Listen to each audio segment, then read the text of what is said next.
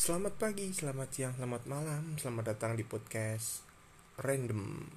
Selamat ya disiap eh disiapkan. Dipasin waktu kalian sendiri kapan dengerin podcast ini. Jadi ya selamat datang. Eh, Oke ya, maaf saya nggak bisa upload eh, sering-sering. Wis, sok sibuk banget gitu kan, ajas. Tapi ya walaupun pendengarnya masih sedikit ya, tapi nggak apa-apa lah. Me- saya coba untuk menjalani ini dengan senang hati gitu karena saya kan senang ngomong gitu. Jadi ya wadah saya di mana wadah saya di sini gitu.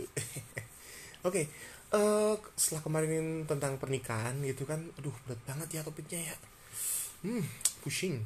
Nah hari ini eh, episode kali ini eh datang tentang eh tentang datang dengan tema yang mungkin sering kali teman-teman pikirkan atau saya sendiri juga sering mikirin ini gitu kan Eh, temanya adalah kapan sih kita dewasa? Kapan? Aku udah dewasa saat ini. Aku sudah 18 tahun hari ini. Ah, anjas. Oke. Eh, mungkin podcast ini nggak panjang-panjang banget ya karena sejujurnya ini juga kayak pemikiran random saya gitu. Jadi ya mari kita coba eh, ngobrolin bareng-bareng gitu kan. padahal kalian padahal kalian nggak bisa balesin saya gitu kan. Oke Eh, dewasa. Apa sih dewasa itu sih? Eh, dewasa itu kalau di kamus itu tuh kamus besar bahasa Indonesia atau KBBI adalah udah akil balik atau sudah menikah gitu kan. Eh, lebih tepatnya 18 tahun plus gitu kan. Iya 18 tahun secara administ- administratif negara teman-teman udah dianggap sebagai manusia dewasa gitu kan? Tetapi kan dewasa itu ada menurut saya sih ada dua sisi ya. Dewasa secara umur dan dewasa secara eh, personality atau spiritual atau batin gitu kan? Anjas pusing. Oke kalau secara umur sih teman-teman udah 18 tahun itu udah dianggap dewasa gitu kan? Udah punya KTP sendiri bisa menentukan agamanya sendiri bisa menentukan kepengenannya sendiri gitu kan Eh, at least bisa ngungkapin apa yang diingini gitu. Tetapi eh, dewasa itu secara spiritual batin atau secara keperilakuan itu belum tentu seperti itu. Eh, flashback flashback lagi ya. Eh, saya waktu SMA itu udah 18 tahun ya. Karena saya eh SMA nya itu mundur setahun gitu. Jadi karena saya TK nya menunggak. Nggak nunggak ding. Tapi eh, saya masuk TK itu udah telat ditambah TK nya 2 tahun gitu kan. Jadi ya saya hitungannya nunggak gitu kan. Nah 18 tahun. 18 tahun di SMA itu saya di kelas 1 tuh udah 18 tahun tuh. Udah ras- udah kayak rasa wah anjas.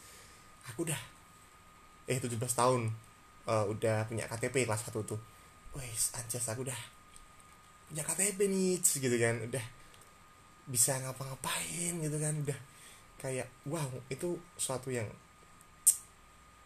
wah aku sudah dewasa gitu, kan. Secara secara secara saat saat itu tuh kayak gitu tuh. Lalu setelah itu eh, SMA SMA SMA SMA terus kuliah kuliah kuliah. Ya kuliah. Kuliah ketemu teman-teman yang lebih dewasa atau lebih umurnya lebih lebih tua daripada saya gitu kan. Ngobrol-ngobrol banyak itu itu banyak apa namanya sharing-sharing banyak itu tambah rasa anjas anjas gerinjas dewasa banget di gua nih gitu kan. Terus eh, kuliah kuliah kuliah kuliah Eh, lulus kerja kerja kerja kerja gitu kan. Kerja ngerasa juga wah anjing dewasa nih. Udah udah gede gitu kan udah mikir kapan menikah udah menik udah mikir gimana bapak ibu nanti udah mikir eh, tanggungan cicilan orang tua dan lain sebagainya itu jadi lebih kayak dewasa gitu kan. Tetapi eh, pernah mikir gak sih kapan sih kita merasa dewasa? Sebenarnya kalau kita ngerasa dewasa itu setiap saat ya. Maksudnya kita kalau kita udah eh, lebih bisa dibilang naik tingkat atau naik apa ya naik jenjang gitu kan. Dari SMA kuliah kuliah kerja kerja ya kerja terus gitu. Kerja terus sampai tipes ya. Eh, enggak enggak enggak. Maksudnya setiap jenjang itu kita merasa kita itu lebih tua dan kita lebih dewasa. Seperti apa namanya dari kita sebelumnya. Ya emang seperti itu sih. Jadi proses pendewasaan itu kita nggak bisa matok wah 18 tahun kamu udah dewasa coy. Kamu udah keren. Eh nggak dong. Nggak saya tuh sering sering banget menertawakan kelakuan kelakuan saya di sebelum sebelumnya kelakuan kelakuan saya itu konyol konyol anjir. Sumpah konyol-konyol banget gitu. Eh, banyak kelakuan konyol saya yang saya anggap tuh eh, dewasa di waktu-waktu itu gitu kan. Eh, apa ya? Banyak gitu sebenarnya aduh jadi kalau mau membahas tuh jadi malu sendiri sebenarnya tuh. Oke uh, dulu saya uh, per saya mau ngaku nih. Saya itu pernah maling helm. Goblok. Saya pernah maling helm. Saya pernah maling helm di tempat pariwisata. Tapi ada alasannya. Saya ingin ngepanis orang-orang yang mesum di situ kalau teman-teman dengar dengar sekarang itu goblok banget sumpah. Itu itu bodoh gitu loh. Itu ngapain gitu kan? E, ngepanis orang mesum di tempat pariwisata. Jadi di, di dekat rumah saya itu bukan dekat rumah saya sih tapi ya di kecamatan saya ada satu pariwisata yang namanya air terjun. Dan air terjunnya itu di sepanjang jalan itu tuh banyak banget uh, hotel kruset. Atau bisa dibilang semak-semak yang bisa untuk hmm, enak-enak. Jadi waktu itu waktu saya SMA ya kelas 2 enggak ada yang kelas 3 udah masuk kelas 3 itu. Kelas 3 itu tuh saya uh, apa namanya nggak punya uang nih untuk mau nonton konser di Solo. Jadi dulu ada konser reggae gitu kan saya pengen nonton saya nggak punya uang. Saya minta uang nggak bakal dikasih. Saya minta uang bapak ibuku mah pah aku minta uang buat nonton konser. Yang ada saya dikonseri orang tua saya gitu kan. Wis randudut nggak punya uang kok. Pengen minta konser gitu kan. Jadi ya saya dengan etika dewasa saya gitu kan wah aku ingin menunjukkan aku menjadi orang baik. Bukan ding uh, aku ingin menunjukkan apa namanya uh, aku menjadi orang yang uh, dikirim Tuhan untuk menghukum dia dan saya mendapatkan balasannya saya mendapat uang dari menjual helm itu. Itu konyol sih asli konyol. Jadi akhirnya saya sama teman-teman saya naik ke pariwisata itu ada hotel ada motor di pinggir jalan nggak ada apa-apanya nggak ada orangnya tapi ada helmnya. Anjas kurinjas saya ambil helmnya saya potong gitu kan. Gitu ya. Saya potong itu kabel eh, bukan kabel sih. Buat buat nyantolin helmnya saya bawa lari. Saya jual tanpa rasa bersalah gitu. Jadi aduh.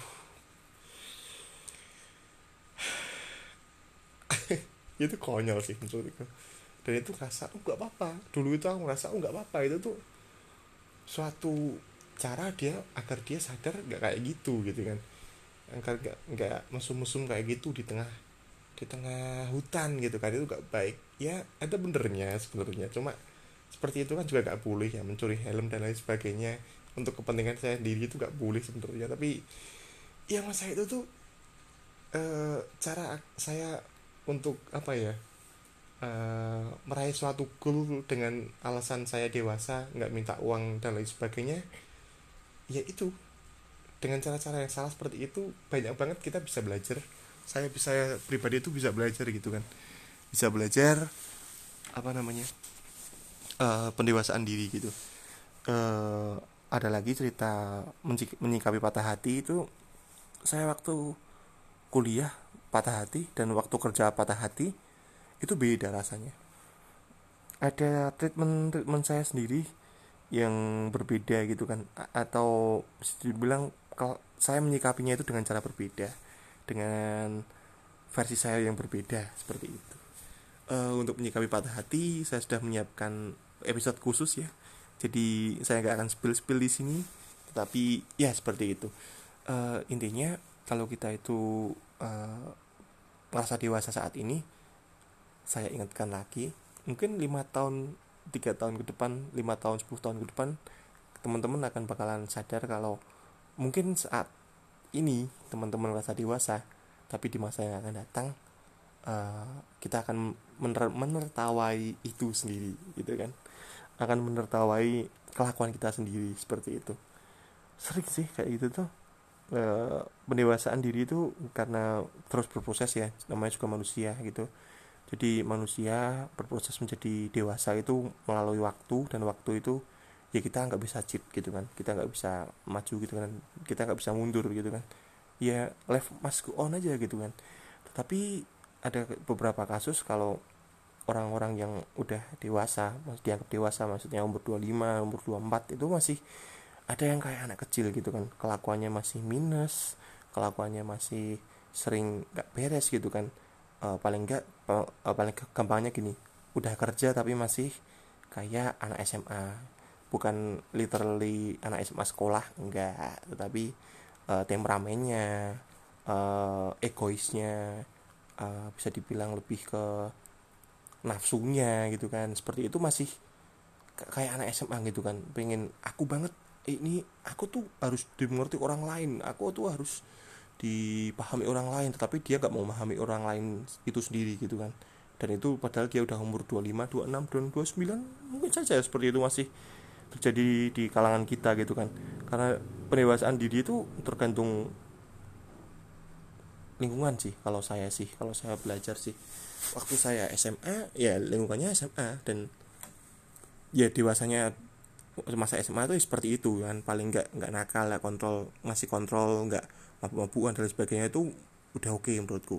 Kalau waktu kuliah jalin relasi gitu kan masih terhindar dari narkoba dan lain sebagainya karena es karena waktu kuliah itu sangat sangat sangat sangat sangat mungkin sekali kita bisa uh, ke SMA SMAan yang masih ke badung-badungan masih kenakal-nakalan dan terjerumus di hal yang salah dan itu tuh nggak dewasa banget menurut saya.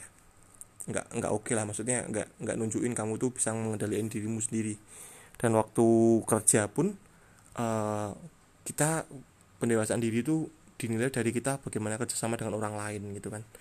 Kita kerja sama orang lain tuh bisa apa enggak? Kita kerja sama si teman kita teman sepantaran kita kerja kalau kita nggak bisa kerja dengan orang lain menurutku proses kalian itu masih kurang gitu. Dulu dulunya itu mungkin bisa dibilang kalau uh, istilah katanya mainnya kurang jauh gitu kan. Tapi itu memang bener sih uh, kita seberapa jauh kita main itu mempengaruhi kita uh, pendewasaan diri kita gitu kan. Semakin banyak kita ketemu orang-orang yang aneh-aneh di, di dalam hidup kita kita tuh jadi lebih paham gitu kan. Kita tuh kita tuh jadi lebih tahu oh ini loh oh ini loh kita nge-treatment orang kayak gini oh ini loh caranya. Kalau kita ketemu orang kayak gini tuh kayak gini oh ini loh. Jadi bisa lebih lebih wise atau lebih bijak kita menyikapi seseorang seperti itu. Jadi pendewasaan diri itu uh, istilahnya kita dapat dari proses kita hidup gitu. Kita nggak bisa dapat dapat pendewasaan diri kalau kita lingkupnya kecil teman-teman. Jadi usahain carilah teman sebanyak-banyak kalian tapi saringlah teman-teman itu. Kenapa? Percaya nggak percaya uh, believe or not kalau teman-teman apa namanya uh, semakin banyak temennya itu semakin kita mengerti gimana kita menyikapi orang seseorang dan paling enggak itu kita bisa belajar uh, kita mendewasakan diri kita sendiri melalui relasi-relasi yang kita jalani seperti itu. Jadi ya kalau ada pepatah menjadi dewasa itu pilihan kalau jadi tua itu takdir ya iya gitu kan. Kalau kita tua itu pasti umur umur nggak bisa berkurang umur nggak nggak umur nggak bisa berkurang dan umur selalu bertambah. Tetapi pendewasaan diri itu pilihan kita sendiri gitu kan. Kita mau jadi dewasa apa enggak ya it's your choice man. It's your choice sister. Jadi so ya saya harap teman-teman di sini bisa belajar lebih banyak dari teman dari kehidupan kehidupan teman-teman yang sudah lalui. Coba koreksi masing-masing apakah aku tuh sudah dewasa apa belum boleh sharing-sharing sama temennya boleh sharing-sharing sama orang terdekat kalian. Jadi uh, apakah kalian sudah melakukan hal yang baik? Apakah kalian apakah kalian sudah melakukan hal yang benar di di lingkungan kalian? Itu yang bisa jawab teman-teman dan uh, teman-teman kalian sendiri. Seperti itu sih menurut saya. Jadi ya koreksi itu penting. Jadi jangan malu untuk kita dikoreksi untuk menjadi orang yang lebih baik dan lebih dewasa untuk ke depannya. Terima kasih telah mendengarkan podcast ini. Selamat uh, apa namanya beraktivitas. Jadi ya silahkan teman-teman semangat dan selalu menjaga diri sendiri dan orang lain karena corona masih ada. Jadi jangan sampai kalian terkena dan sia-sia uang kalian untuk berobat corona ini terima kasih. Sampai jumpa di lain episode. Tuhan memberkati